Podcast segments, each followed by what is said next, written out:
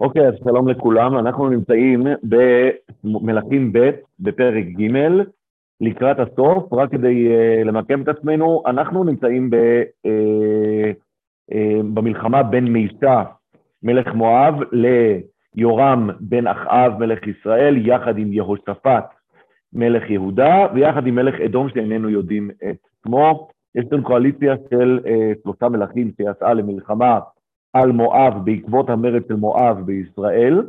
אנחנו הסברנו שהפרק, ראינו הרבה סתירות ביחס ל... איך הקדוש ברוך הוא רואה את המלחמה הזו, האם באופן חיובי או שלילי. אנחנו, מה שהסברנו בשבוע שעבר זה שהרצון של הקדוש ברוך הוא היה להתערב ולהכניס את המלחמה הזאת לאיזון הנכון. שמצד אחד, במלחמה הזאת, אנחנו צריכים להגן על החילול השם, כפי שלמדנו ממצבת מיצה כמקור אה, חוץ מקראי, ולכן צריך ללמד את מואב לקח. מצד שני, לממלכת ישראל ולמלך ישראל לא מגיע שום פרסים כעת, כי נפילת מואב והמרידה של מואב היא בעיקרון חלק מהתוכנית האלוקית, איך להעניש את בית עומרי, ולכן בסופו של דבר, כל הפרק הזה שואף לקראת המצב שמצד אחד יהיה אה, כאן אה, קידוש השם על ידי הנקמה במואב, ומצד שני, שמלך ישראל לא יקבל את הפרסים המיותרים הללו, ולכן עם ישראל יצליח לנצח את מואב, אבל הוא לא יגיע להישגים אה, מדיניים ופוליטיים פה בהקשר הזה, ולכן בסופו של דבר הם יחזרו כלעומת שבאו, הם אמנם ינצחו, אבל הם לא יביאו שום הישג אה, משמעותי. זה מה שאנחנו אה, למדים ממה שקרה בפרק הזה.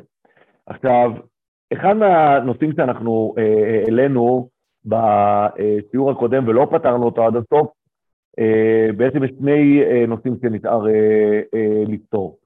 נושא אחד זה מה התפקיד של מלך אדום פה, בתוך הסיפור, כי לא היה מספיק ברור לנו מאיפה הוא הגיע, מה המשמעות שלו, האם יש כאן משמעויות שחורגות מהפרק שלנו בהקטר של השותפות הזאת בין אדום לבין ישראל, אה, יחסי אדום וישראל זה סיפור שאנחנו יודעים היום הוא מאוד מאוד מורכב, למרות שדווקא בתוך התנ"ך עצמו אנחנו לא לגמרי מבינים. אנחנו מכירים את המאבק של יעקב ועשיו, כולנו מכירים את הנבואה של עובדיה, הלא אח עשיו ליעקב ואת עשיו ושנאתי, אבל בסופו של דבר בתוך מערך הכוחות של ישראל מול העמים שמסביב, דווקא יחסית אדום, אנחנו לא מכירים יותר מדי דברים, ופה אנחנו כן רואים איזושהי אפילו שותפות שיש אה, ביניהם כנגד איזשהו אינטרס משותף. אנחנו כן הסברנו את האינטרס הגיאופוליטי של אדום להצטרף בו, כי אנחנו יודעים שהעיר חורונים, שנזכרת במצבת מיסה, היא עיר שהייתה בשליטה אדומית, וזה מספר לנו שבעצם אותו מיסה, מלך מואב, שהרחיב את גבולותיו וכבש את הערים הישראליות, גם הרחיב את, גבולות, את כיבושיו לדרום וכבש ערים אדומיות, אנחנו מבינים מה שיתוף האינטרסים שלהם עם אדום, השאלה זה למה הם באמת צריכים את אדום, והאם הדבר הזה הוא חיובי או לא חיובי, אנחנו ננסה לענות על הדבר הזה היום. דבר נוסף שאנחנו נצטרך להידרש אליו ואנחנו נקרא אותו בפנים, זה המעשה המוזר הזה שקורה בסוף המלחמה. כי אנחנו למדנו באמת שהייתה, היה ציווי מאוד מאוד חזק ודרסטי של אליטה, לעבור על דברי תורה ולהכרית את כל העצים שיש שם בערים, ולסתום את כל הבארות, ולסכל באבנים את כל המקומות, על מנת באמת לתת כאן איזושהי פעולת ענישה אכזרית מאוד על מואב, וזאת בעקבות מה שאנחנו יודעים שמואב עשו לישראל עוד לפני כן. אבל הסיום של הקרב הוא מאוד מאוד מוזר. בואו נקרא את זה בפסוק, אה, אולי נקרא כאן אה, אה, מפסוק כ"ה. אנחנו יודעים שאחרי שקרה הנס הגדול, הקדוש ברוך הוא נתן להם מים במדבר, המים נדמו למואב כדם, נכון? בגלל ההשתקפות, טבע האבנים, מה, ש, מה שלא גרם לזה, הסיבות הטבעיות, והם אמרו, אה, אה, דם, אה, ויאמרו דם זה, החרב נחרבו המלכים והיכו איש את רעהו, המואבים בטוחים שהקואליציה הזאת של שלושת המלכים התפרקה, ואז כתוב, ויבואו למחנה ישראל, ויקומו ישראל ויכו את מואב, אני קורא בפסוק כ"ד, ויכו את מואב וינוסו מפניהם, ויכו, אה, ויכו בה והכות את מואב. והערים יהרוסו, וכל חלקה טובה יסיקו איש אבנו, ומילאו, וכל מעיין מים יסתומו, וכל עץ טוב יפילו, עד השאיר אבניה בקיר חרשת ויסובו הקלעים ויקוע. בסופו של דבר הם ממלאים את הוראותיו של אלישע והם אה, מענישים את מואב כמו שצריך. מה שיעסיק אותנו עכשיו זה שני הפסוקים האחרונים של הפרק, שהם פסוקים מאוד מאוד מוזרים, גם הזמינו הרבה הרבה אה, דיונים מסביבם, ובואו נקרא אותם בפנים. וירא מלך מואב, כי חזק ממנו המלחמה. הוא רואה את המצב הזה, חזק ממנו המלחמה. ויקח אותו, 700 איש שולף חרב, להבקיע אל מלך אדום, ולא יכול הוא. ויקח את בנו הבכור, אשר ימלוך תחתיו, ויעלהו עולה על החומה. ויהי כסף גדול על ישראל, וייסעו מעליו, וישובו לארץ. אנחנו לא מצליחים להבין כאן מה קורה. בואו קודם כל נתאר ברמה הכי אה, אה, פשטנית מה כתוב כאן. מלך מואב מותקף בצורה מאוד מאוד חזקה. הוא נמצא באיזשהו מצור, את המצור הוא צריך להבקיע, הוא לוקח 700 איש צולף חרב, כנראה חיילים מובחרים, והוא רוצה להבקיע אל מלך אדום. אנחנו לא מבינים למה הוא רוצה להבקיע אל מלך אדום. הוא לא מצליח. ואז הוא לוקח את בנו הבכור, כן, יורש העצר אשר ימלוך תחתיו, והוא מעלה אותו עולה על החומה. מקריב אותו, קורבן אדם. והדבר הזה גורם לכסף גדול על ישראל, וייסעו מעליו, ועם ישראל בסופו של דבר כנראה, בגלל הכסף הזה, נאלץ לסגת, וישובו לארץ, חוזר לארץ, כמו שאמרנו, בלי הישגים משמעותיים במלחמה. אז קודם כל, בוא, יש גם כמה וכמה שאלות שאנחנו צריכים לשאול. קודם כל, מה, מה מלך מואב מנסה לעשות פה? מה המוטיבציה שלו לעשות את הדבר הזה? מה, מה, מה הוא מנסה לעשות כאן כשהוא מעלה את העולה הזו? וזה דבר אחד. דבר שני, המעשה הזה שהוא עושה, למה זה גורם לכסף על ישראל? באיזה מובן העלאת בנו הבכור על החומה גורמת לכסף על, על, על ישראל? הוא עשה פעולה, למה עם ישראל נענשים?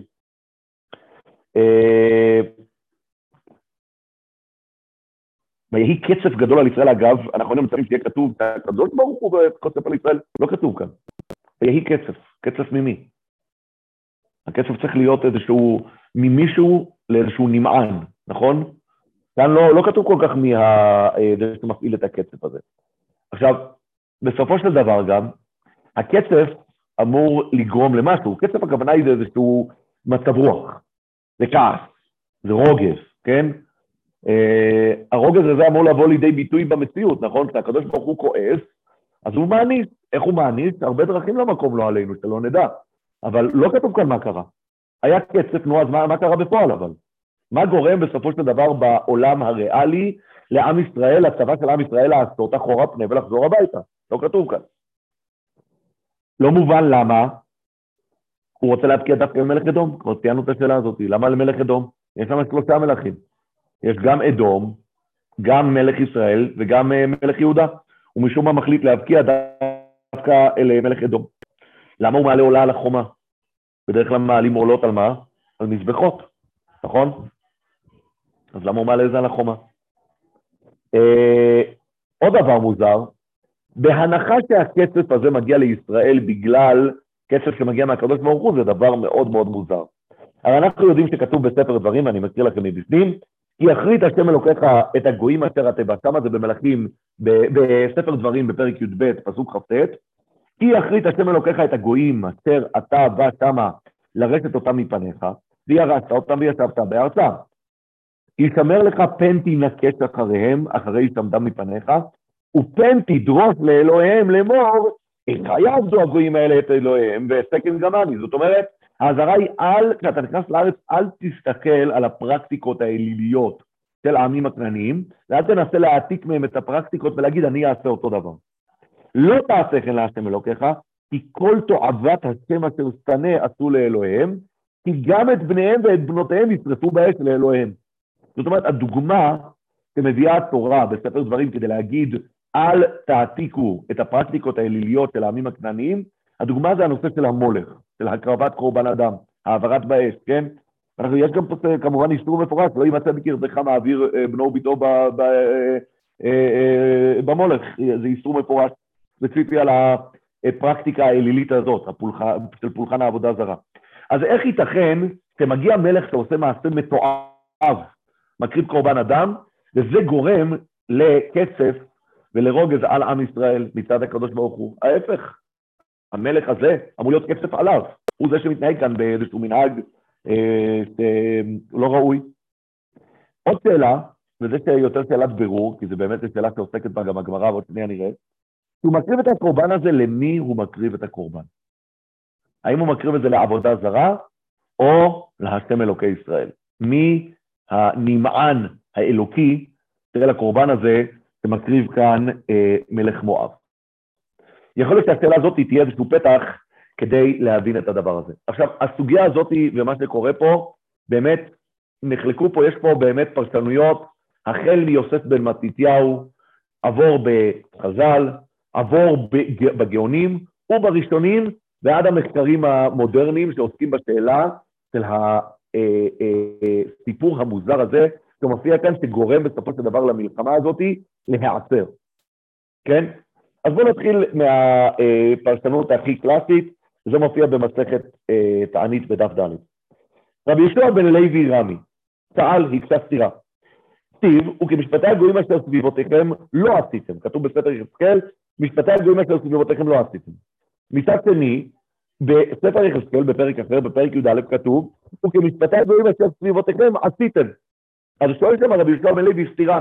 הנביא יחזקאל מצד אחד מאשים את עם ישראל על זה שהם לא עשו, כמשפטי הגויים אשר סביבותיהם, ובצד שני כתוב שהם כביקורת עליהם שהם כן עשו, אז מה, מה הם צריכים לעשות? להעתיק את מה שהגויים עושים או לא להעתיק? אז אומר, אומר, אומר שם רבי שועה בן לוי, מה לא עשיתם? כמתוקנים שבהם לא עשיתם. כמקולקלים שבהם עשיתם. זאת אומרת, הכוונה של הנביא לומר את הדברים הרעים למדתם מהם, כן? ואת הדברים הטובים לא למדתם מהם. זה תמיד מזכיר לי את השיחה הזאת שיש לנו עם ילדים שלנו, שאנחנו לפעמים לא אוהבים כל כך את החברים שלהם, כן? אז אנחנו תמיד אה, כאילו יודעים להגיד, כן? בסוף אה, אתה חבר שלו, תלמד ממנו לפחות את הדברים הטובים, נכון? אה, למה אתה לוקח, לוקח ממנו רק את הדברים הרעים?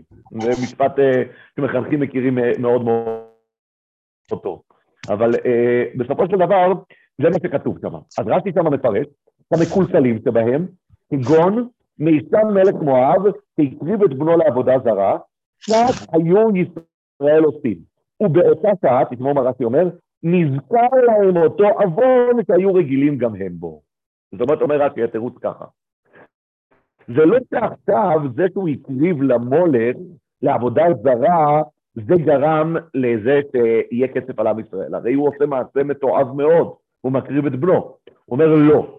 אבל ברגע שעם ישראל בעצמם, בבית שלהם, נוהגים כמנהג המקולקלים שבגויים, והם בעצמם מקריבים את בניהם למולך, קורבן אדם. אגב, מולך צריך לדעת, שלא נטעה, מולך זה לא השם של העבודה הזרה.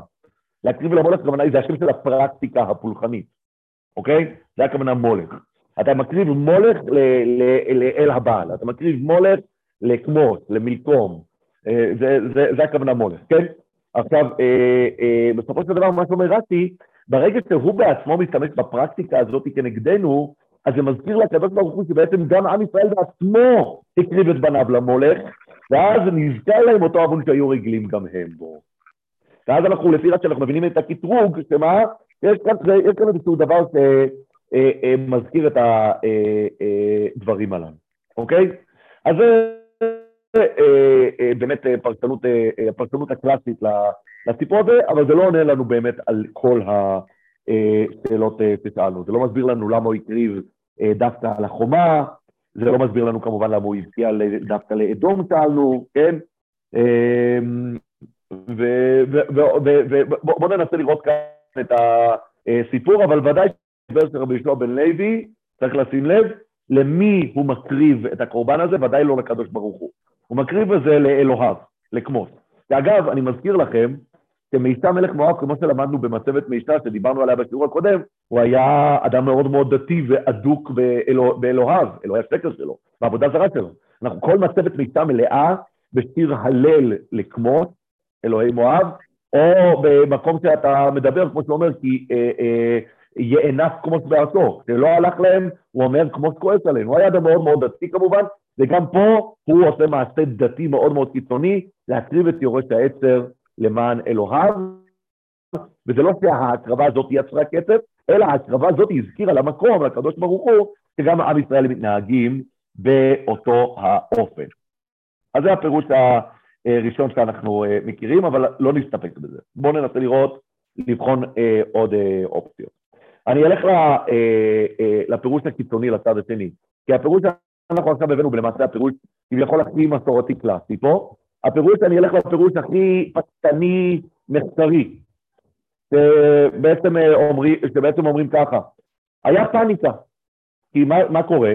עומד המלך על החומה, וזה גם רוצה להסביר לנו למה זה דווקא על החומה ולא על המזבח, מלך מואב מאוד מעוניין לעשות איזושהי פעולה דרסטית, מבהילה, כדי להראות למלכים שסובבים סביבו עד כמה הוא קיצוני ובמצוקה, ולפעמים כשאנחנו רואים בן אדם במצוקה, זה גורם לנו לאיזשהו זעזוע מורלי, ואנחנו אה, מאוד מאוד מתבלבלים מהדבר הזה, ובסופו של דבר אה, יש כאן תגובה אנושית. זה לא שיש כאן הקדוש, זה לא שהקדוש ברוך הוא מחליט להעניש את עם ישראל בגלל שיש כאן משהו שמקטרג עליהם.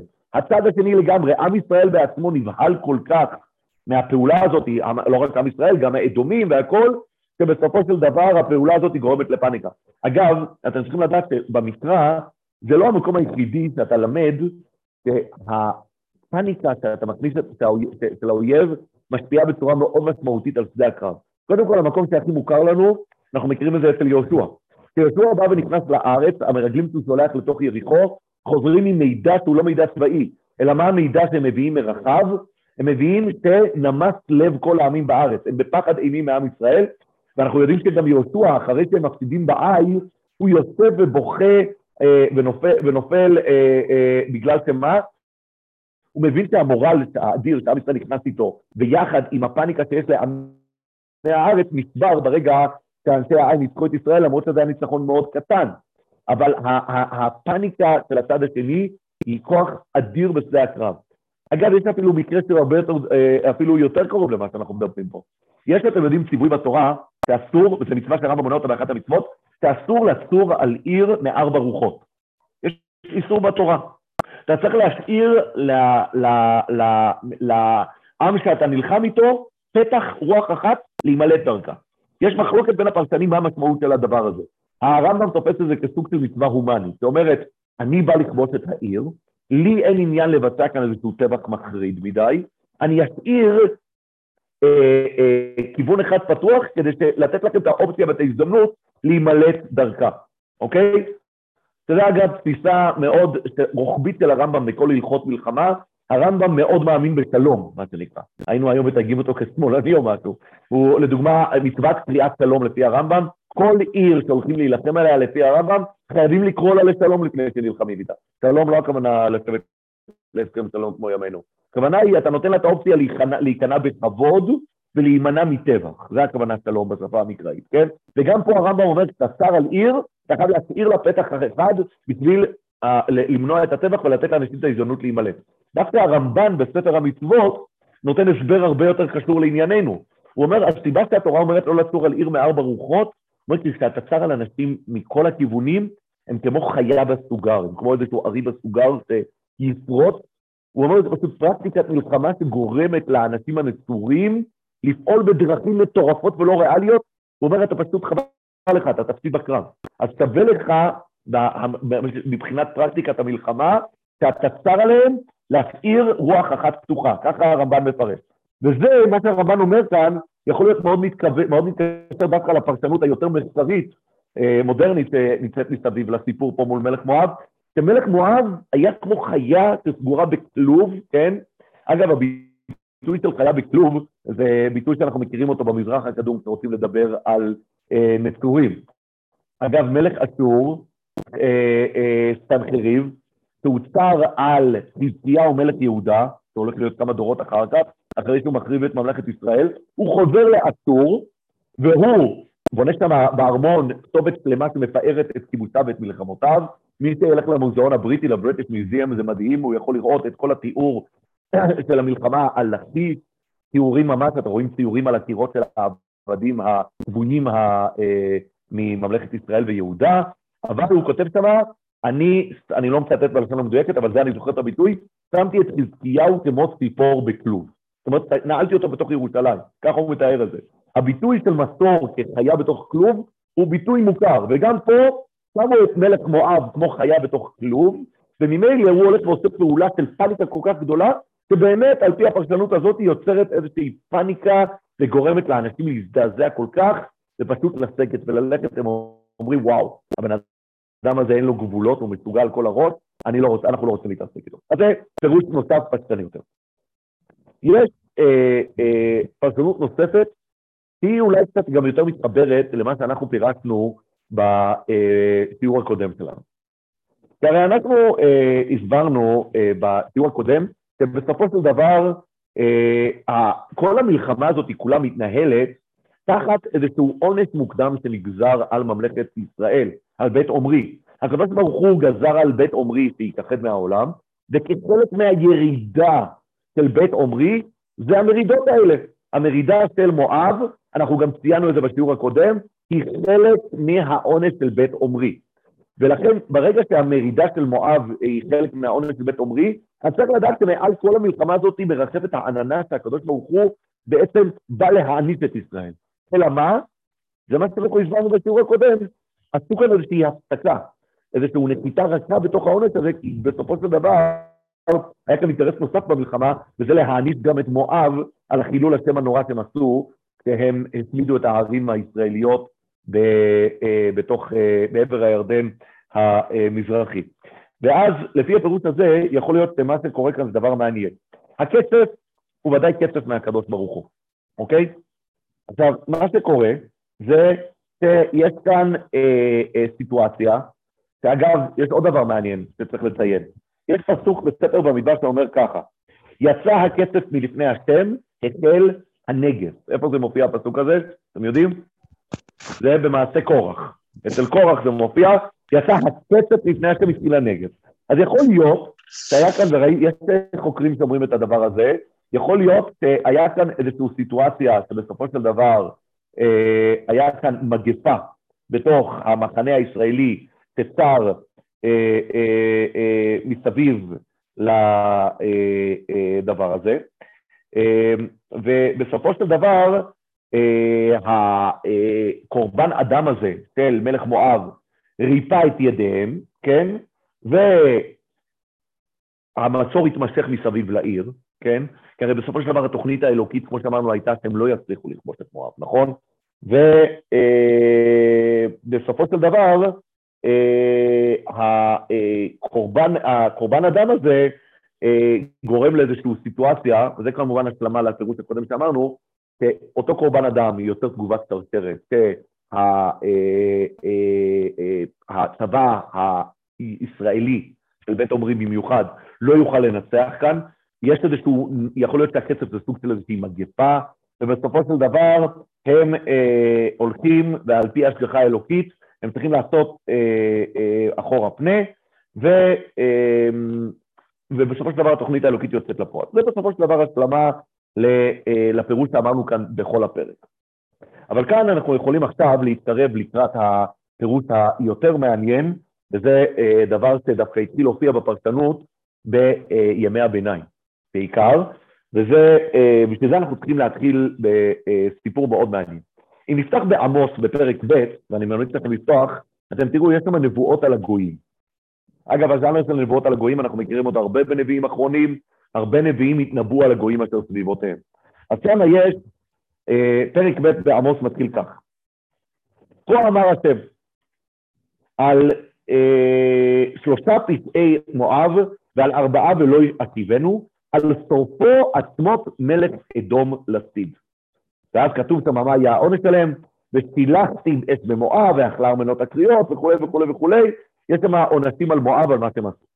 עכשיו, הדבר המוזר זה, שכל המלכים שם, ואני לא אלאה אתכם לקרוא את כל הפרק שם בעמוס בפרק ב', כל המלכים שם הרי הוא מתנבא על אה, פשעי דמשק, על פשעי עזה, על פשעי צור, על פשעי אה, אדום, פשעי עמון, אצל כולם מתוארים מעשים שהם עשו לעם ישראל. פה אצל מואב, מה כתוב? על שורפו עצמות מלך אדום לסיד. מה הקשר? למה עכשיו הנביא עמוס רואה לנכון להביא נבואת אה, חורבן על ממלכת מואב בגלל שהם שרפו את עצמות מלך אדום בסיד. זה השאלה המוזרה תהיה כאן. זה נותן לנו רמז, יכול להיות מאוד גדול לפרק שלנו, וכאן אני אקרא לכם תשובה של רב היי גאון. כשמישהו שאל אותו, בין מי היה הילד אשר בגללו היה כסף על ישראל מהמעשה אשר עשה מלך מואב.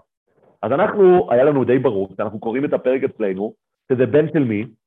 בן של מלך מואב, נכון? בואו בוא נקרא את זה. אנחנו קוראים את הפסוק, אה, אה, אני מדפדף אה, לפרק אצלנו. אמ, ויקח את בנו, כתוב, הנה, וירא מלך מואב כי חזק ממנו המלחמה, ויקח 700 וכולי, ויקח את בנו בכוח, שלמלוך תחתיו, הכוונה היא יורש העצר המואבי, אומר רבי גאון לא. הוא אומר, מלך יהודה, ואני מתאר לכם בלשונו, מלך יהודה או מלך ישראל, כאשר נתעלו על מלך מואב ולא יכלו לו, עד אשר נתחבר אליהם מלך אדום, קצף מלך מואב על מלך אדום וייסר אותו, מפני שעזר לישראל ויהודה. ויקצה בעיניו, כי נלווה מלך אדום אליהם, והוא זר להם. אז מלך מואב כועס על מלך אדום, מה פתאום אתה מתחבר עם המלכים הישראלים והיהודים האלה, כן? והיה מלך אדום חזק יותר, וכאשר לא יכול לו, ויש אומרים כי בן מלך אדום, שהיה עומד למלוך תחת אביו, היה ערבון אצל מלך מואב, כי כן יהיו בני המלכים לערבון בידי המלכים אשר כעזם, וישרוף אותו מלך מואב לעין השמש לציד. להעציב את מלך אדום, ולהעציב גם את ישראל, כי קרא הדבר הזה למי שהלך איתם ועזר להם. וזהו מה שאמר הכתוב, וירא מלך מואב כי חזק ממנו המלחמה, ויקח אותו שבע מאות איש הולך ערב להבקיע אל מלך אדום, ולא יכלו, ויקח את בנו בכורש למלוך תחתיו. ומה שנאמר, ויהי כסף גדול על ישראל, אני ממשיך לקרוא בכתובה של רבי גאון, אין לזה את האלוהים.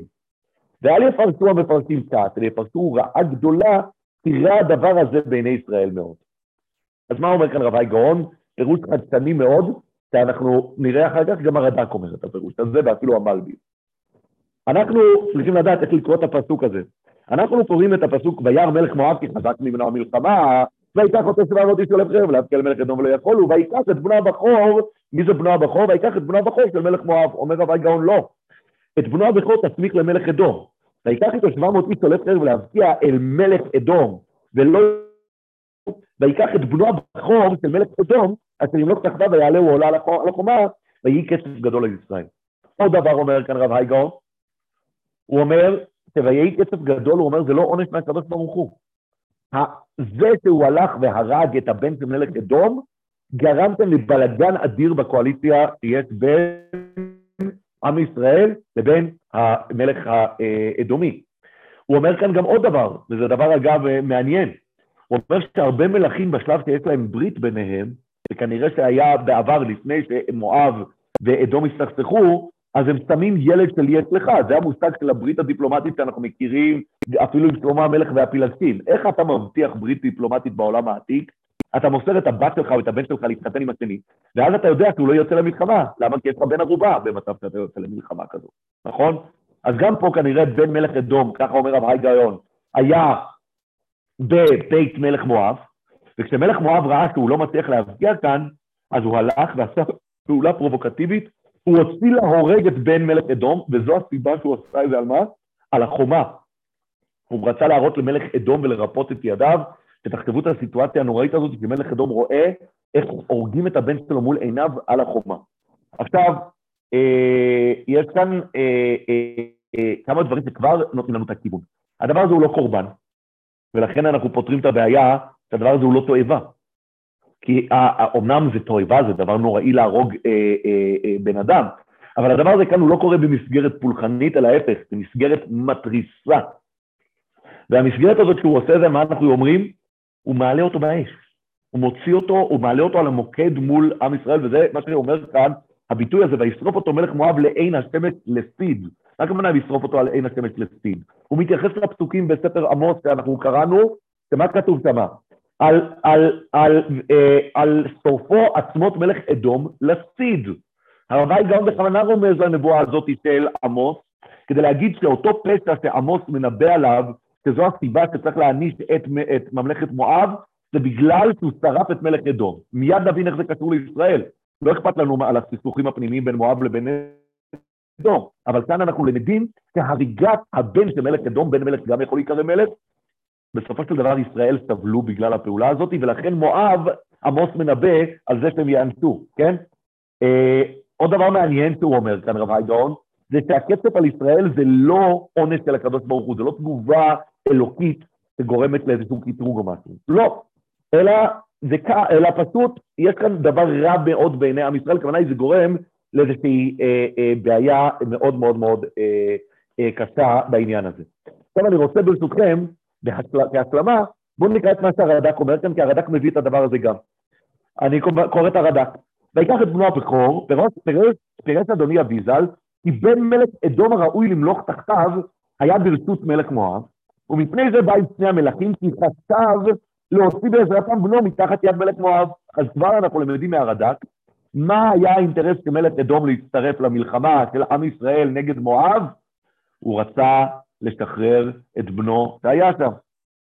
וכשחשב מלך מואב להבקיע אל מלך אדום ולא יכול, לקח בכתפו את בן המלך, את מלך אדום והעלהו על החומה, ושרפו לנגד לעיני אביו. וכאן הוא אומר דבר מעניין, וזהו ויעלהו עולה, כשרפו כמו ששורפים העולה. ויהי כסף גדול על ישראל ממלך אדום. הוא אומר, מי כעס על עם ישראל? מלך אדום כסף על עם ישראל, על, על התוצאה שקרה. כי חשב, כי בעזרתם יוציא בנו מתחת יד מלך מואב. וזהו שאמר הכתוב בספר עמוס, אומר הרד"ק, על שורפו עצמות מלך אדום לסיד. זאת אומרת, אומר הרד"ק, הוא מוסיף את זה בצורה יותר אה, אה, אה, מפורשת, כן? שמלך אדום כועס על עם ישראל, כי המטרה המוקדמת שלו כשהוא הצטרף למלחמה הזאת הייתה כדי להציל ולשחרר את הבן שלו, שהיה שבוי בידי המואבים, וכשמלך מואב הולך ומעלה את, את הילד הזה על המוקד ושורף אותו כעולה, לא כקורבן עולה, אלא באותו אופן ששורפים את העולה. הרי מה כתוב על העולה? ששורפים אותה כליל, נכון? ככה גם הילד הזה נשרף כליל, לא עלינו, שלא נדע, אבל הדבר הזה גורם לקצף גדול על ישראל כשמלך אדום כועס עליהם, כן? אבל כאן יש לנו כבר פרשנות חדשה מה זה ויהי קצף גדול. כל מה שקורה כאן לפי הרד"ק הוא פעולה טבעית, זה לא הקדוש ברוך הוא, כמובן הקדוש ברוך הוא מסובב הסיבות ורוצה שזאת תהיה התוצאה הסופית כמו שהסברנו, כי הקדוש ברוך הוא לא מעוניין לנפק לעם ישראל את הניצחונות, אבל הפעולה שמתוארת כאן היא פעולה ריאלית בעולם הריאלי. מלך מואב לא מעלה קורבן, הוא לא עושה איזושהי פעולה מגית או מיסטית שגורמת לזה שכוחות אלוהיים קוצפים על ישראל, לא ולא. אלא הוא מעלה את הקורבן הזה, את קורבן, הוא, הוא שורף את הילד השבוי.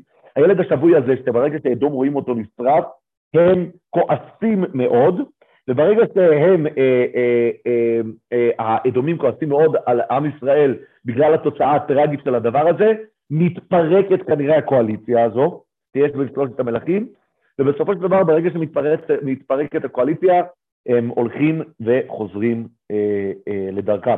אני אקריא לכם רק כהשלמה מה אומר המלבים פה. אה, אה, כלומר, בעצם מלך מואב הבקיע מנחומה עם 700 איש אל מלך אדום, לא באו ישראל לסייע למלך אדום, ובשל כך הצליח מלך מואב לחטוף את בנו של אדום, ועל ידי כן נשאו מעליו כי נעשה כסף אל שלושת המלכים. המלבים מסביר באותו כיוון אבל בדרך אחרת. הרי רב היי גאון פירש, וככה גם אה, הרד"ק פירש, שהילד היה נתון אצלם כערבון. עוד לפני המלחמה הילד היה נמצא בבית מלך מואב, כן? המלבים טוען שמה שקרה פה, שההבקעה הזאת של 700 האיש, היה איזשהו כוח מתפרץ שנכנס וחטף את בן המלך בזמן הקרב, בזמן המלחמה. ובן המלך הזה לקחו אותו, והעלו אותו בצורה פרובוקטיבית, צרפו אותו מול מלך אדום, ומלך אדום כועס על זה שהמלך ישראל, יהושפט מלך יהודה ויהורם מלך ישראל לא באו לעזרתו, ואז נוצר כאן בלאגן בין המלכים, התפרדה החבילה, ואומר כאן המלבי, אני מקריא לכם את הלשון שלו, ועל ידי כן נשאו מעליו כי נעשה כסף בין שלושת המלכים. מדהים, מדהים הפירוש הזה. ואם נחזור לדבר הזה, שוב פעם, לתת כאן את הפתרון לסיפור של הנבואה של עמוס, אנחנו מבינים אה, את הפרשנות שם, מה הפירוש על סופו עצמות מלך אדום לסיד, כן? אגב, הרד"ק שמה מפרש סיד, שרפה גמורה, זה הכוונה סיד. שרפה גמורה, שהעצמות עצמם הפכו לאפר, שזה הדימוי לעולה, שלעולה נאמר שרפה גמורה, כליל, אוקיי? ולכן אצלנו כתוב היעלהו אה, עולה. הדבר האחרון שיוצא כאן, וזה דבר מרתק שצריך לשים לב אליו, זה הדינמיקה הזאת שיש כאן של אדום מול שר המלכים. כי אנחנו אומנם הצלחנו להסביר איפה הסיפור של אדום משמעותי כאן. אבל הסברנו שהוא משמעותי גם גיאוגרפית. זאת אומרת, היכולת של עם ישראל ללכת דווקא מהדרום, ולתקוף את מואב מהאזור הדרומי שהוא פחות מבוצר. כי המחשבה הטבעית של מואב זה שעם ישראל יבואו מהצפון, דרך מעבר אדם, מהמקום שהוא גם קרוב יותר וגם נגיש יותר. ולכן רוב הביצורים שלהם הם ביצורים צפוניים. וכשאתה תוקף אותם מהדרום, אתה פוגע בהם בבטן הרכה, זה אלמנט אחד. אלמנט נוסף שאנחנו הסברנו, זה קשור לזה שמה? לזה שהיה כאן לאדום גם אינטרס במלחמה, כי כמו שהבאנו ממצבת מאישה, היה ערים אדומיות שנכבשו כאן. יש כאן אלמנט נוסף שאנחנו למדים עכשיו על האינטרסים של מלך אדום, שיכול להיות לפי רב היי גאון ולפי הרד"ק לפחות, מלך אדום רוצה לשחרר את הבן השבוי שלו. שהיה שבוי עוד קודם לכן, אוקיי? בסופו של דבר, אנחנו מגיעים כאן לסיטואציה נורא נורא מעניינת. הרי שהמואבים מגיעים, בפעם הראשונה שהמואבים נחשפים לקואליציה הזאת שבין עם ישראל לבין האדומים. אז אנחנו יודעים שנעשה שם נס אדיר. מה זה הנס האדיר? הם רואים, יש מים שהגיעו, נכון, למדבר, המים האלה נדמו למואבים כדם, ומה הם אומרים? ויאמרו דם זה, החרב נחרבו המלכים ויכו איש את רעהו ועתה לשלל מואב. זאת אומרת, מואב אומר, הקואליציה הזאת היא בוודאי התפרקה. מואב לא סתם אומר שהקואליציה הזאת התפרקה. מואב, המואבים מבינים טוב מאוד שהקואליציה הזאת בין עם ישראל לבין האדומים היא קואליציה לא טבעית. והקואליציה הזאת שבין עם ישראל למואבים, יהיה בה תמיד אלמנט של דם ושל חרב, נכון? איך אני יודע שיהיה בהם אלמנט של דם? כי זה המידה של אדום, נכון? אנחנו יודעים על עשיו, מה נאמר על עשיו? על כן קרא שמו אדום, נכון? הוא היה איש שהתעסק עם דם. הברכה של יצחק אליו זה על חרבך תחיה. אנחנו יודעים שמערכת היחסים בין עשיו, בין אדום לבין ישראל, זה מערכת של והיה כאשר תריד ופרקת הוא לא מעל צוואריך, כן? ויש כאן איזושהי מערכת, כמו שיודעים, אה, אומרים חז"ל, לא נבנתה ירושלים אלא מחורבנה של קיסריה, וכן להפך, נכון? ולאום מלאום ימץ. וממילא, כאשר מואב משקיפים, שימו לב ללשון, ויאמרו דם זה, הקרב נחרבו המלכים. דם זה, הכוונה היא אדום. תמיד בין אדום לבין ישראל אמור להיות דם. הקרב נחרבו המלכים. מה זה הקרב נחרבו? זה מעניין, הרד"ק שמה אומר, מעניין חרב, כן? זה דבר, אנחנו אומרים החרב נחרבו, הכוונה היא מלשון חורבן. רד"ק מפרש שם מלשון חרב. אני חושב שלא סתם הוא מפרש ככה, כי לאדום נאמר על חרבך תחיה. אז אומרים המואבים שהם משקיפים כאן, דם זה, כי מדובר כאן על אדום, הקרב נקרבו המלכים ויכו איש יתרעהו ועתה לשלל מואב.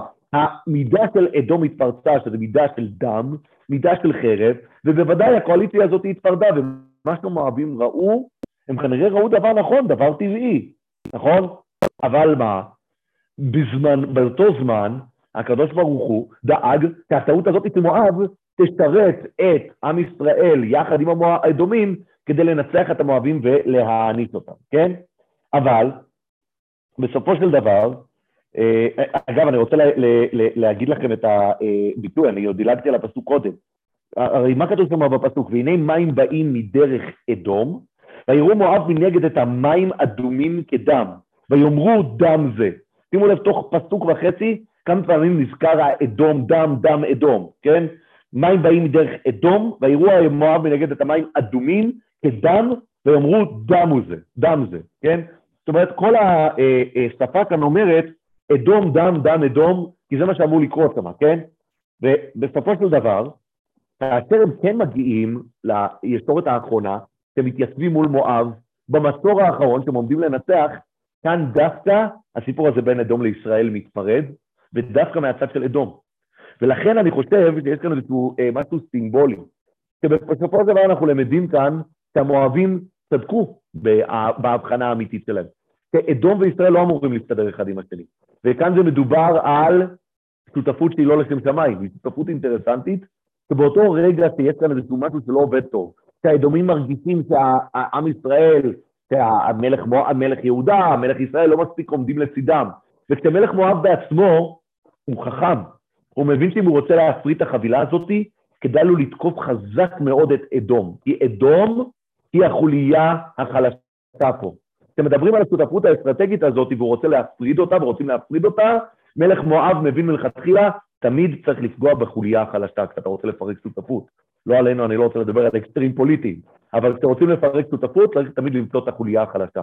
והחוליה החלשה היא אדום, ולכן הם מבקיעים דווקא אל אדום, לפי פירוש המלבים עוד יותר מזה. הם בכוונה חושפים בן של המלך כדי לייצר כאן איזו פרובוקציה, כדי בסופו של דבר כשיש שותפות בין שלושה מלכים, כל צד לשותפות היא שותפות אינטרסנטית, כן? הרי לא מדבור כאן על... זה, זה אהבה שאינה, זה אהבה שתלויה בדבר, שאין סופה להתקיים. אבל בסופו של דבר כל אחד שואל את עצמו מי משלם מחיר יותר גבוה. ומלך אדום מרגיש שהוא משלם את המחיר כבד מנשוא, ולכן הוא הולך ומקרב, ומפרק את השותפות הזאת. ובאיזשהו מקום אני חושב שיש גם איזושהי אמירה בפסוק האחרון הזה, ויהי כסף גדול על ישראל וייסעו מעליו וישובו לארץ, כביכול, הפסוק הזה מחזיר את העניינים למצבם הטבעי. כי המצב הטבעי הוא קודם כל, שעם ישראל לא ינצח את מואב, כי עם ישראל נמצא במצב של הידרדרות רוחנית, במיוחד בית עומרי, ולא מגיע לו לנצח. המצב הטבעי הוא שעם ישראל לא יכול לשתף פעולה עם אדום. כי אדום וישראל, אם יאמר לך אה, אדם על, על ירושלים וקיסרי, ששתיהם זה, נכון, המלאך ובא, יש את המדרש הידוע, לא יכול להיות שתי בנויות גם כאן, לא יכול להיות שעם ישראל ומואב מצליחים לשתף, ואדום מצליחים לשתף פעולה ולהצליח. ולכן המצב הטבעי הוא שהעסק ביניהם יתפרץ והם יחזרו למקומם, וזה בסופו של דבר, אני חושב שיש כאן גם אמירה אה, אה, היסטוריוסופית, שאנחנו מכירים אותה עד היום. שיתופי פעולה עם אדום, אנחנו צריכים תמיד להיות חשדניים כלפיהם. מי זה אדום? חז"ל מזהים את אדום המודרני עם הנצרות, עם רומי, יכול להיות אפילו עם הכוחות המערביים, אני לא מספיק נביא כדי לנבא את הדבר הזה. אני תמיד יודע, אני יודע לצטט את מה שאומר אה, בית הלוי. הבית הלוי תמיד אה, מפרש, אומר, כתוב בזעקה של יעקב, הצילני נא מיד אחי מיד עשיו, ככה הוא אומר. הוא אומר, למה הוא אומר הצילני נא מיד אחי מיד עשיו? הצילני נא מיד עשיו. אז הוא אומר, אנחנו צריכים הכי להיזהר כשעשיו נוהג בנו כאחים. כשעשיו שונא אותנו, זה הדבר הכי טוב, הרי יש הלכה שעשיו שונא ליעקב. אבל כשעשיו פתאום נחמד אלינו, אנחנו צריכים להילחץ. אנחנו צריכים להילחץ כי כשגויים יותר מדי נחמדים אלינו, הופה, הופה, הופה. אנחנו לא נמצאים במצב לא טבעי, וכשאנחנו נמצאים במצב לא טבעי זה מזמן בעיות. וגם פה, במהלך הפרק שלנו למדנו שאדום היו נחמדים כביכול אלינו, היה לנו איזשהו מצב טבעי יחסית איתם, וזה דבר שאמור לזמן בעיות, ואכן זה זימן את הבעיות. ולכן בסופו של דבר החבילה הזאת התפרדה. אבל, וזה מה שמעניין פה, בסופו של דבר פירוד החבילה הזאת נעשה בצורה אכזרית על ידי מלך מואב, והריגת בן מלך אדום היא זאתי שגרמה לעם ישראל לסגת ולא להשלים את המלחמה, כי התפרדה החבילה פה, ולכן בסופו של דבר עמוס אומר שהפשעים, אחד מהפשעים של מואב כנגד עם ישראל, זה הריגת המלך של אדום, ושרפתו בסיד, שגרמה לאותו כסף על ישראל ולפירוד החבילה. בעזרת השם בשבוע הבא אנחנו כבר ניכנס לפרק הבא, לפרק ד' שכבר חוזר לסיפורים היותר איטיים של אלישע, והם פחות עוסקים בשאלות היותר של המלכים ומלחמותיהם. תודה רבה לכולם.